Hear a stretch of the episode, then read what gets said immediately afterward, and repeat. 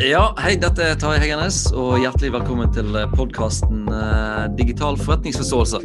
Og i dag så har jeg en eh, gjest som eh, det, det har jo hørt han før hvis dere har hørt på, på podkasten før. For det er nemlig ingen andre enn eh, Gisle Martens Meyer som eh, har lagd eh, introen, eller jeg har fått lov å bruke den låten hans 'Better Living Through Algorithms' som intro og outro på denne podkasten her.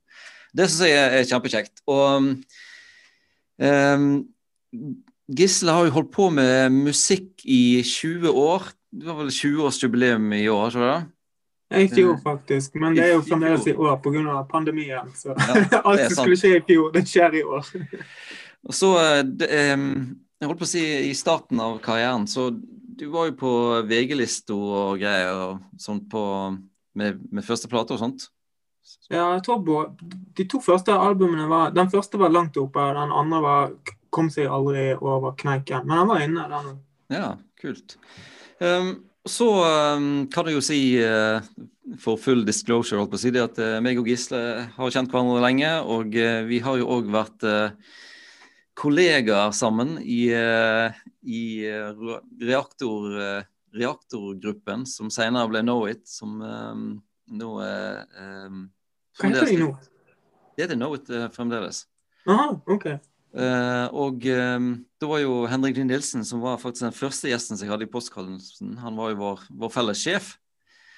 Og um, vi, vi, spilte i julebordbandet sammen. det stemmer.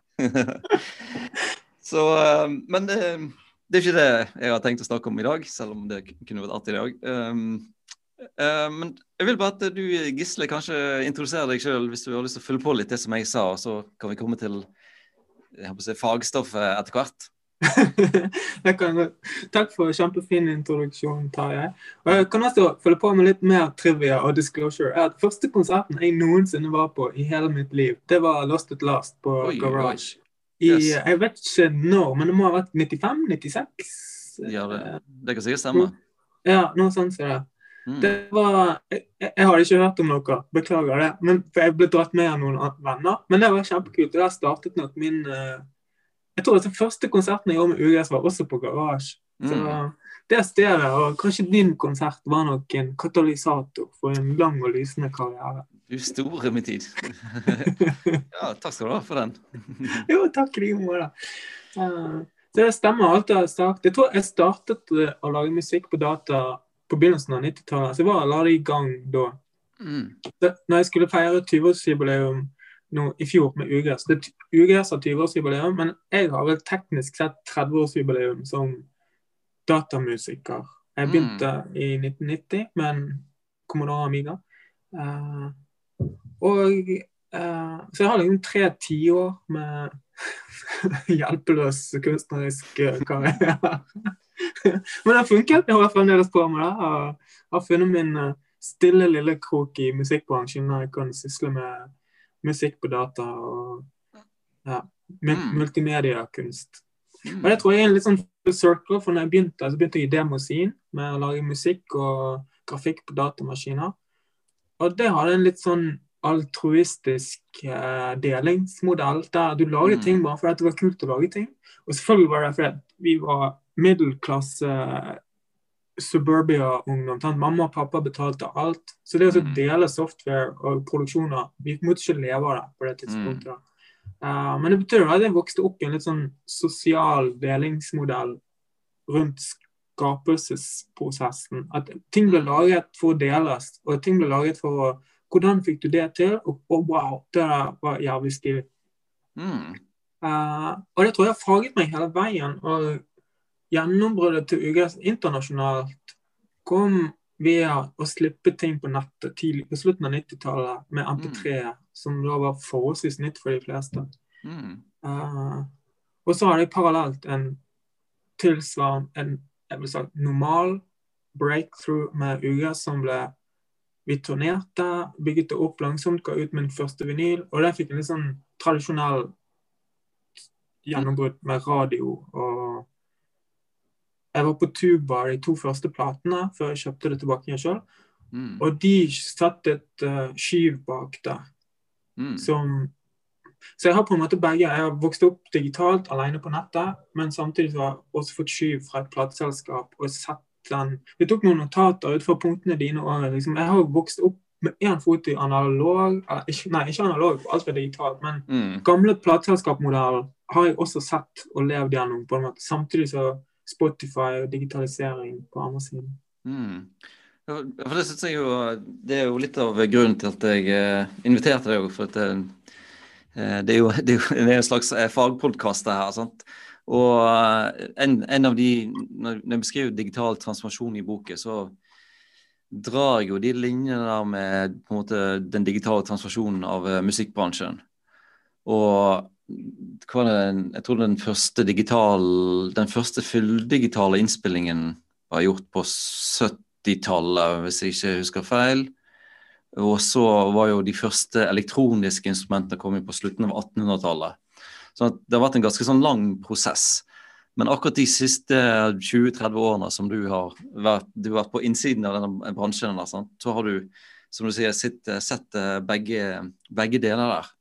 Eh, og det syns jeg er, er, interessant å få den der. Og, og så er det litt eh, det der at um, i Norge så har jo veldig mange små og, og mellomstore bedrifter.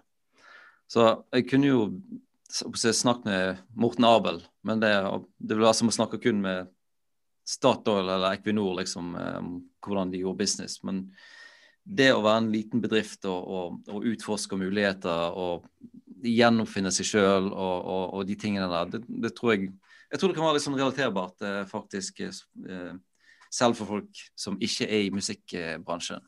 Mm. Så det var, det var, min eh, bakgrunn for å invitere deg.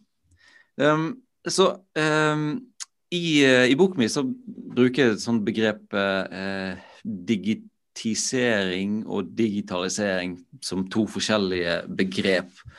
Og det her med digitisering, det er jo rett og slett å gjøre et eller annet uh, informasjon fra den virkelige verden om til digital informasjon. Og så kan du på en måte bygge videre på det i, uh, i, i prosesser sånn senere. Og der syns jeg at du har gjort uh, veldig masse artige ting. Uh, fordi at du har jo digitisert utrolig mange lyder fra den, si, den, virkelige verden. Og brukt det som utgangspunkt som, til disse instrumenter som du har lagd musikk med. Mm. Så, så um, Eh, jeg lurer på hvorfor Hvorfor begynte, du, hvorfor begynte du med det, og hvorfor har du fortsatt med det? uh, jeg har vel egentlig alle begynt med det, i og med at det har alltid vært sånn for min del. Når jeg begynte mm. å lage musikk, så var det sånn uh, Jeg hatet å spille piano eller fløyte. Alt sånn akustisk var, var fine lyder, men jeg syns ikke det var så godt i spenning i seg sjøl. Men når du kunne bearbeide disse tingene digitalt, og det var sånn jeg begynte med Kommunal Amiga det var trekkere, og du jobbet med bitte små opptak av lyder. Mm. Så når jeg begynte å lage musikk, så var det sånn jeg begynte. Så jeg har bare mm. alltid jobbet sånn. Og det også relaterer meg til lyd eller bilde eller hva som helst, egentlig. Nå, nå det fra kunnskap til lyd til uh, Ja, alt er digitalisert, vil jeg sagt. Jeg klarer ikke mm. helt å separere, sånn som du sier. Så jeg jobber alltid med et eller annet som er digitalt. Mm. Det har aldri vært en begynnelse for min del. Og jeg ser det sånn i dag, Hvis du hører et opptak av et band, selv om opptaket er gjort uh, direkte på hver musiker, så er det bare fire samples som er lagt oppå hverandre. De er bare tre mm. minutter lang, hver av samplingene. Jeg jobber mm. med tre sekunder eller tre millisekunder. Jeg kan også jobbe med tre minutter hvis du gjør et opptak av en musiker. Men jeg anser det opptaket som en sample. Mm. Uh, all den informasjonen er digital for min del. Mm. Det, som jeg, det som jeg tenker, eller eh, grunnen til at jeg eh, skiller mellom de to, da, ah. det, at det første steget er jo at du tar opp en lyd.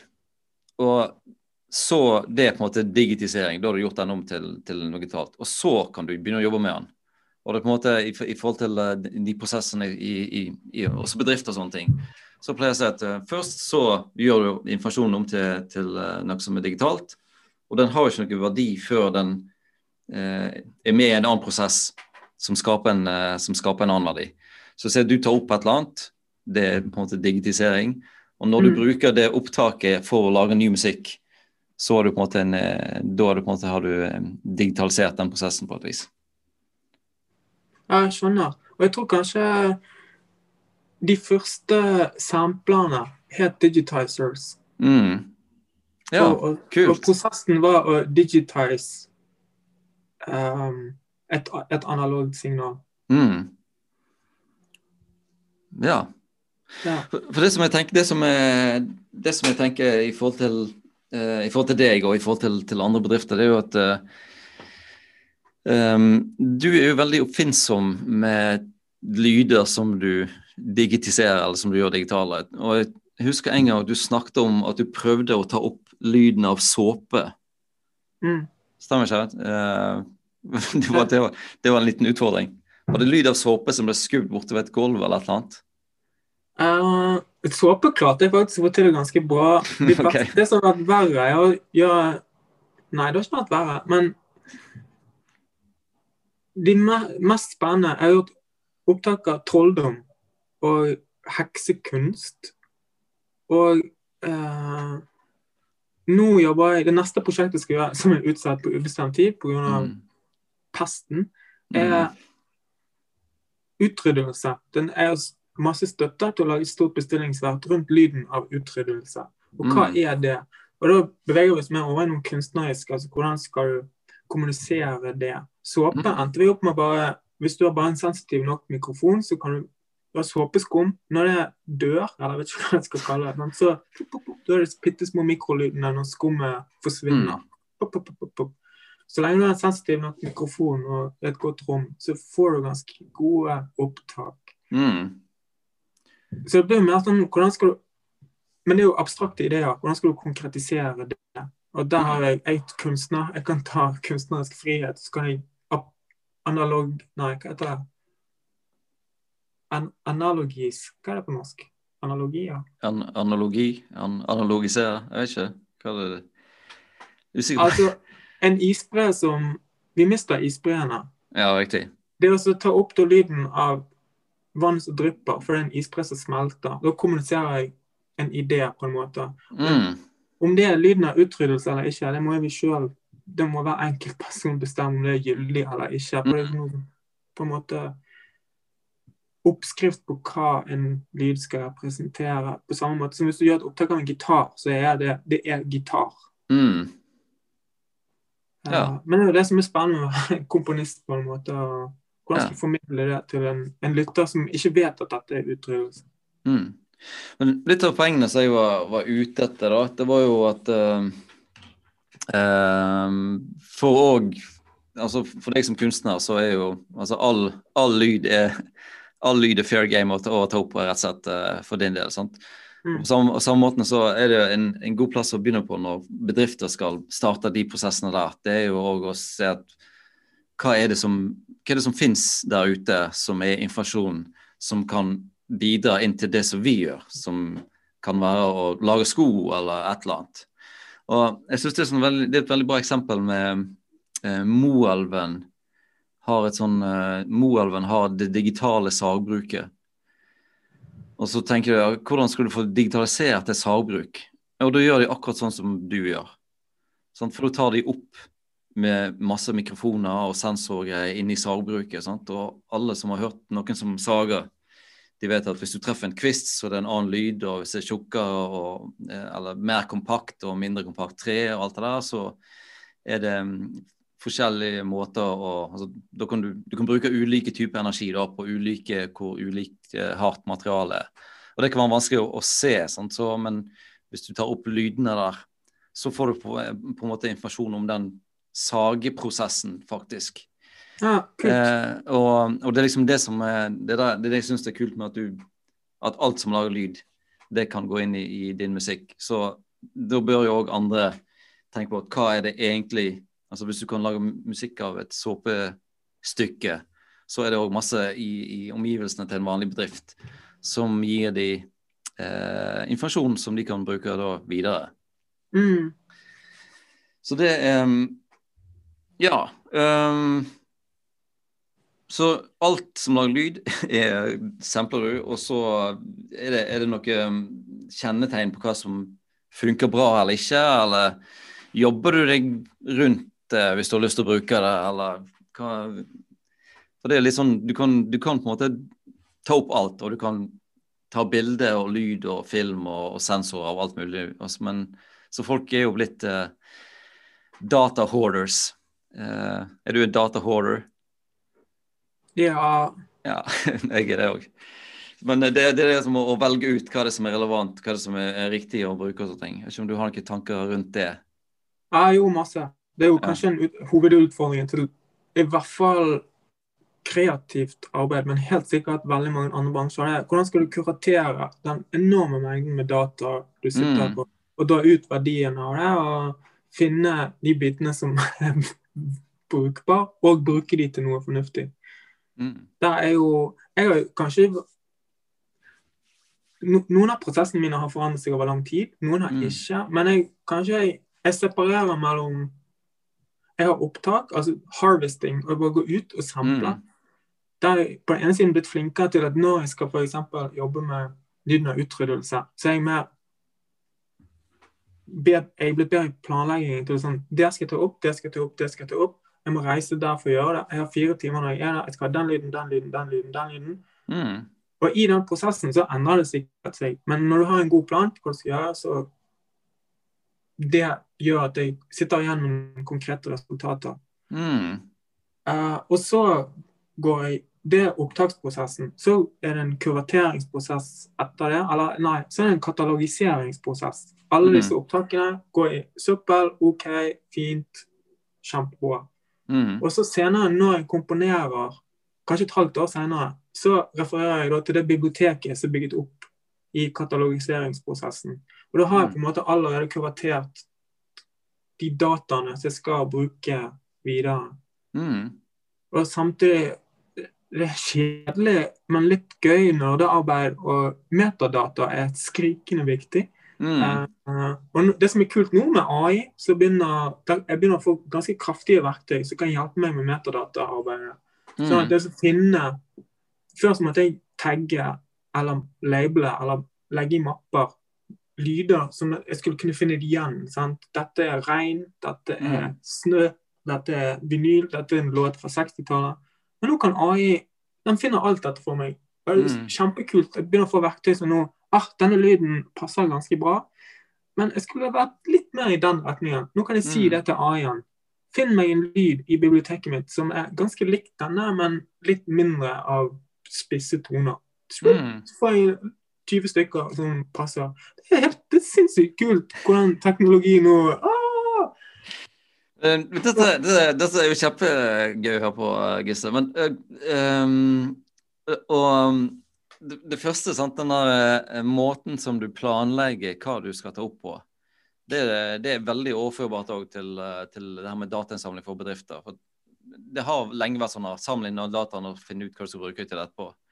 Men det at du faktisk uh, har en uh, prosess rundt det at uh, OK, men jeg, jeg, vet jo noen ting som jeg tror jeg kan bruke det til. Da, da er det mye mer målretta ut på den, på den datasamlingen. sant? Da, mm. da er det, det er mindre jobb å, å, å, å gå igjennom de. Uh, så det syns jeg var et, et, godt poeng. Og, men du, den, den, du, du, har blitt bedre i den prosessen. Det det du sa, at du har, du har fått en mer strukturert prosess. På, ja, Det er som mm. du lærer deg etter hvert. Men mm. kan, kan, du bare eh, Det er sikkert alle vet hva metadata er for noe, som, som er på podkasten. Har du lyst til å bare si kort hva det er for noe? Metadata er data om dataene. Altså type denne lyden er lang. Han er 30 sekunder.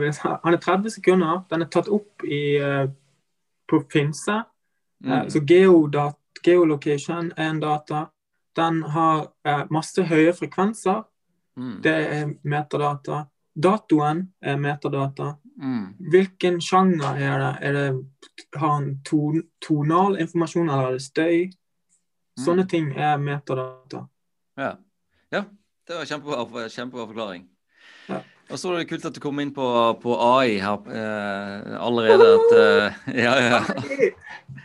At, eh, at at uh, de verktøyene der, at du, at du, måtte bruke de til å sortere ut og finne fram de lydene. At du på en måte, Der du før måtte lete det gjennom Altså, jeg regner med det var blading i kataloger og høre litt og litt og litt på lyd. Sånn, jeg kjenner, jeg kjenner, jeg kjenner. Ja, Eller du måtte huske hvor ting Ja. lå. Mm.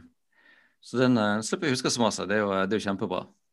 Eh, For da, da er vi inne på litt uh, det som um, Det som var på en måte min, min neste ting som jeg vil snakke med deg om. Det er jo på en måte den eh, Hvordan har teknologi virka inn på prosessen med å lage musikk? Um, sant? Og nå har du allerede sagt det der, at du bruker AI for å, hent, for å finne de rette lydene. Sant? Er det, er det, eh, altså, er det sånn eh, Du kan jo altså, du kan jo data, du var jo sånn datakonsulent når, eh, når vi jobbet sammen. Men er, det, er dette verktøy som du lager sjøl, eh, eller er det verktøy som, eh, som finnes tilgjengelig? Er det open source, eller er det kjøpte F.eks. det der som du sa nå, som du brukte for å sortere dataene dine, eller metadataene. nei, det er um, Jeg vet ikke hvordan skal jeg plassere de i Programvareverdenen programvareverden. Det er små verktøy, tools. Um, det er ikke fullverdige apps, på en måte. De, eller kanskje er det en del av en fullverdig app. Det er flere og Mm. flere apper jeg har nå som har AI som en enten plug-in, eller det er bare bygget inn i en større softwareplattform. Mm. Dette, men dette er jo ikke noe nytt. Alle har jo dette med ansiktsgjenkjenning i fotoappen din. Så finner Mm. alle vennene dine og labeler dem. Det er akkurat det samme. Mm. Um, noen av de er spesifikke verktøy, så du kjøper bare en lisens for den ene tingen, men det er forholdsvis billige, billige ting. Mm.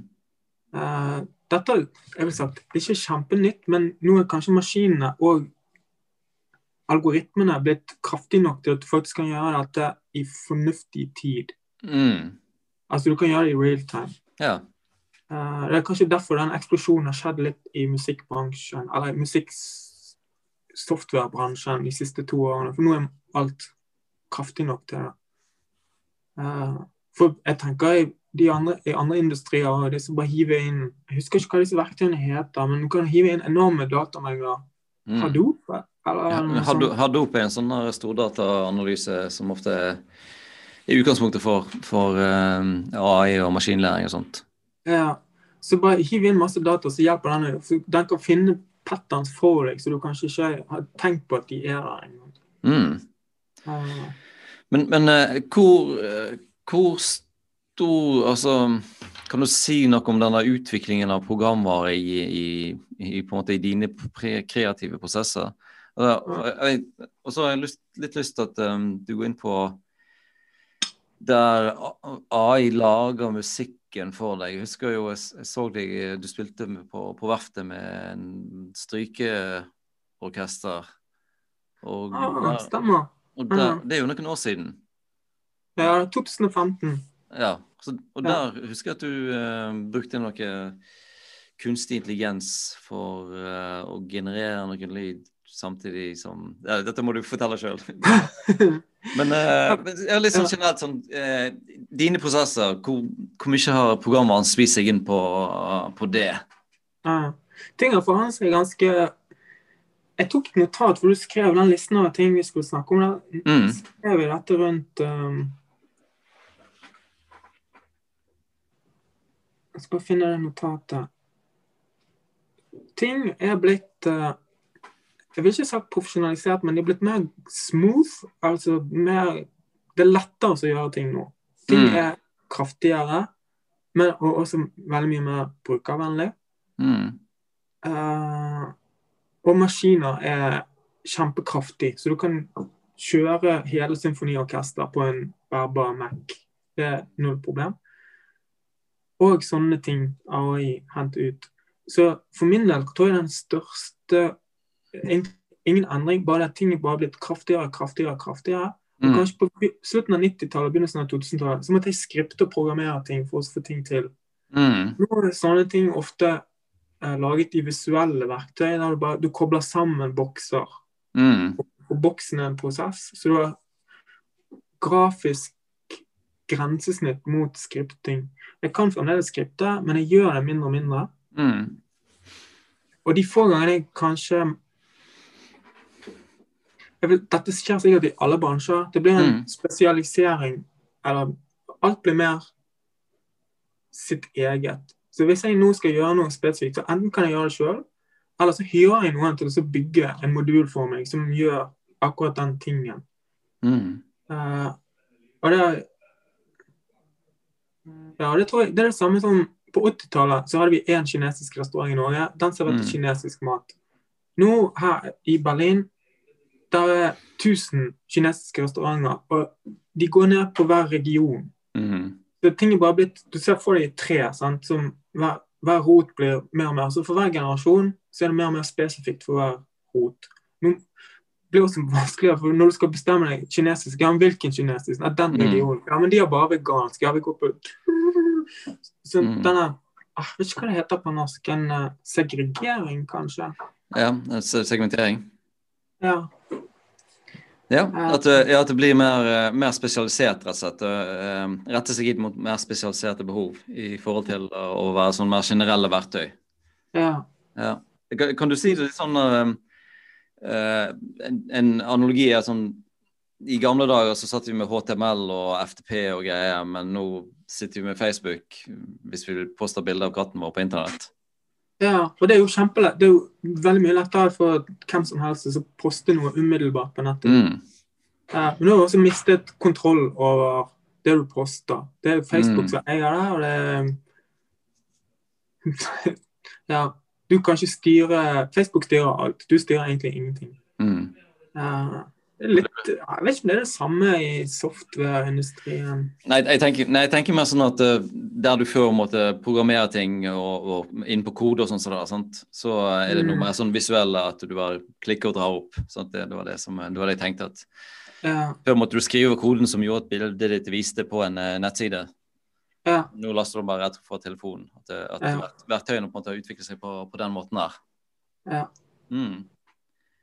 Og det kommer med både positive og negative Jeg er veldig glad for at uh, Og kanskje du har Jeg har vokst opp med Jeg vokste opp sammen med. Jeg vet baksiden av alt. Mm. ikke av alt, men på en måte Jeg vet prisen og kostnaden av ting.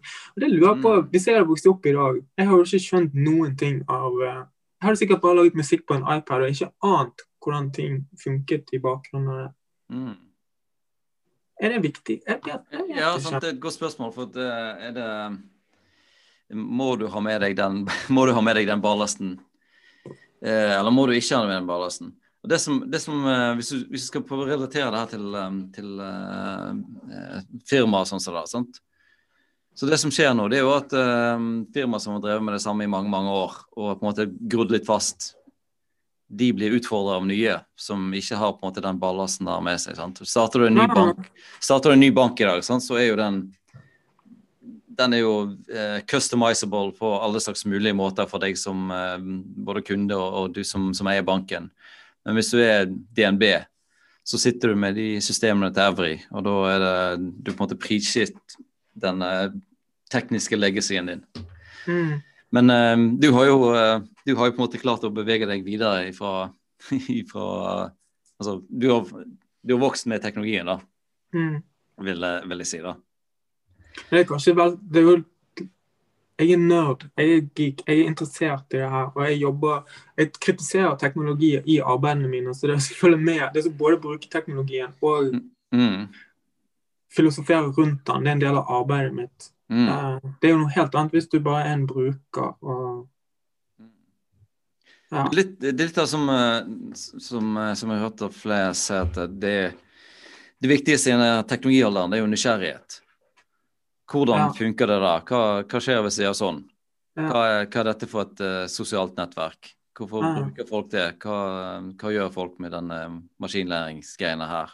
Er det, det, det, det, det, blir bare mer og mer viktig, tror jeg. altså. Jeg prøver å si det til eh, de, eh, spesielt de bachelorstudentene mine. De eh, Ja, nei. De vil nå ha god karakter med minst mulig innsats.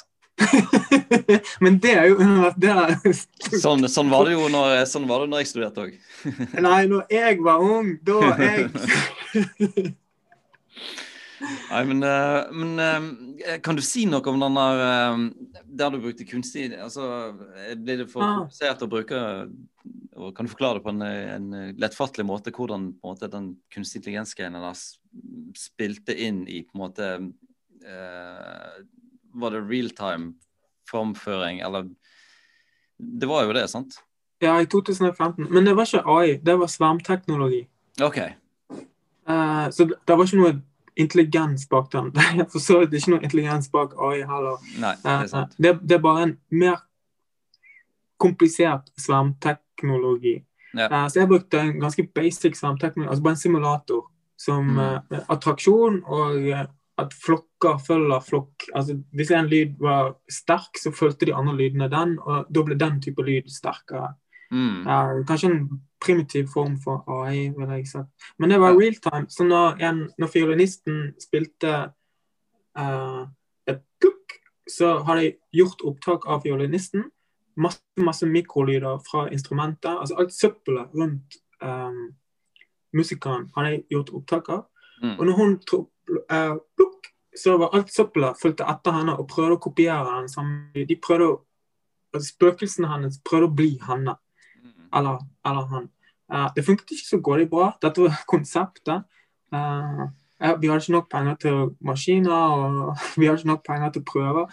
Så konseptet funket ganske bra. Det ble en grei konsert, men jeg ville sagt teknologisk og rent sånn konseptmessig så var det uh. Ja. Mm, hva, Hvordan er karakterskalaen din i Norge nå? Hva er best, og hva er Hva er én det på, eh, på Nei, det um, på eh, Nei, det er A til F. A til F? B minus. Ja, B minus. Ja, det B minus er ganske bra, det. Ja, det var jo bra, men det var ikke Det var ikke A pluss. Nei. Nei. Um, bra, men um, det er liksom den der eh, Jeg syns det, det er kult når på en måte programvaren deltar på en måte i real time med det som blir lagd. Og så er det jo Og derfor er jo ikke veien så, så lang til f.eks. dette med, med eh, annonseteknologi. Fordi at eh, det på en måte De matcher jo i real time det produktet med kunden. Sånn at det er på en måte den, den prosessen som er den salgsprosessen. Eh, der har du på en måte noe realtime data, og så er det da et, eksempel på at du òg har det i, eh, i musikken. Um, skal vi se um, Jeg tenkte jo på det her med interagere med fans. Nå eh, har jo ikke, har ikke vi som, for, som foreleser noe særlig med fans. Vi har jo bare vi, vi har folk som blir tvunget å forholde oss til oss på et eller annet eh, vis. Men eh, det er jo litt sånn vi, De har jo valgt å være der, faktisk. De har jo det. sant? Det er jo en slags det er jo en kommunikasjon i hvert fall som, Ja. som, som vi prøver til som, som forelesere og, og egentlig faglige forskere og den del òg. Ja. Men um, det, kan du si noe om det sånn enten før, før og etter covid? Hvordan, Mm. hvordan det har på en måte utartet seg i løpet av eh, i løpet av årene. Da tenker jeg både på konsert, men, ikke- både på konsert, men òg den interaksjonen utenom konsertene. Mm. Det, er ja, det har lagt i kortene lenge, men jeg tror eh, pesten ble bare litt sånn dyttet veldig mange ting eh, som lå vaket, dyttet på plass. Så for Mm. min del gikk jeg fra Jeg har alltid hatt et OK forhold til fans, men ganske distansert. Mm. Eh, noe jeg foretrekker, for jeg lik, Jeg skjønner veldig godt at for å overleve som kunstner eller musiker i dag, så må du være til stede hele tiden. Du må minne folk på at du fins, og du må være aktiv med releaser, med turnering, i sosiale medier. Du må være en stemme som synes. Mm. Det er ikke alltid det passer med en kreativ prosess. Mm. Uh, spesielt hvis jeg har bestillingsverk, så er jeg fullstendig vekke i to måneder mens jeg Mm. gjør det. Og da må jeg være vekke. Det endrer seg umiddelbart nå i covid, for da forsvant alle bestillingsverk. Forsvant alle fremtidige inntekter, for alle royalties i lang tid fremover er forsvunnet. Så jeg måtte umiddelbart endre holdning. Mm. Og um, satt, jeg har kjempelenge hatt lyst til å begynne å etablere en ha, godt spør, Jeg kan kanskje spørre deg òg. Skal jeg kalle det en digital eller en virtuell tilstedeværelse? For nå Mm. jeg strømmer live en gang i måneden, har faste konserter. Jeg har startet en Patrion. Jeg har begynt å bygge opp en vedvarende, løpende relasjon til publikum, til fansen min, i forskjellige skalaer. På en måte bygge en funnel fra Spotify til livestream til Patrion. Og på en måte Mm. kommentere folk i den retningen. Mm. Samtidig så bygger jeg en tett relasjon til de folkene som er nærmest, mm. måte. Med vedvarende tilstedeværelse.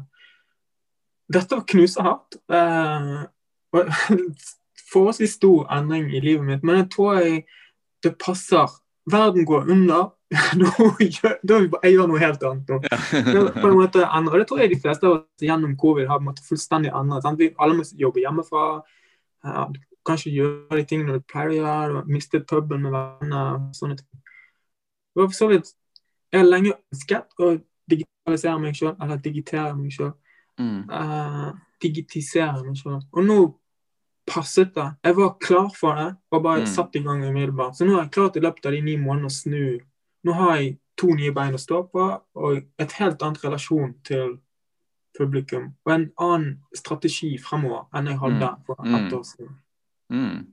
Men, men uh, uh, hvis, pandemi, hvis pandemien blir ferdig, blir det vanskelig å gå tilbake igjen, eller vil du uh, prøve å holde litt uh, på Vil du oppdatere folk på altså De samme som er interessert i på en måte ugress og de tingene der, sant? de vil jo antakeligvis òg være interessert i, i, det som uh, skjer med bestillingsverk og, og, de tingene der. Ja. Jeg, som kunstner så er bestillingsverk og store prosjekter viktig. Og jeg mm har ikke tatt noen avgjørelser. Jeg har jo fremdeles bestillingsverk i fremtiden, så de kommer til å skje når, mm. uh, når pandemien er over, på en måte. Ting står bare på vent. Mm. Uh, men jeg, jeg, snakker, jeg hadde en god chat med noen venner her. Jeg har oppdaget at jeg har pre-post-pest-angst. Jeg har angst for slutten Jeg har angst for at pandemien skal være over. oi, oi, oi. Det er typisk meg. Jeg har angst for alt. Så ja. dette, er helt normalt. Men jeg merker at jeg, eh, at jeg er blitt så Jeg bor i Tyskland. Det Her er Amazon. Amazon funker kjempefint. Så jeg, klikk, det er på døren fire timer senere eller neste dag. Eh, mm. Så livet mitt er fullstendig forandret fra for bare ett år siden. Mm. Jeg eksisterer Om jeg bor i Berlin eller på en øy i Norge, så lenge jeg leveranse av ting og en god bredbåndsforbindelse, så er det revnende like hvor jeg er i verden. Og det tror jeg jeg kommer til å gjøre grep for i fremtiden. At jeg muliggjør det arbeidet jeg gjør. Jeg er ikke lenger avhengig av å bo i en stor by. Mm. For det.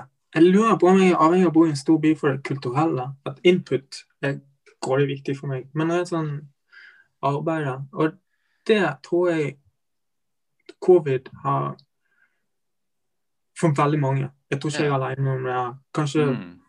ja.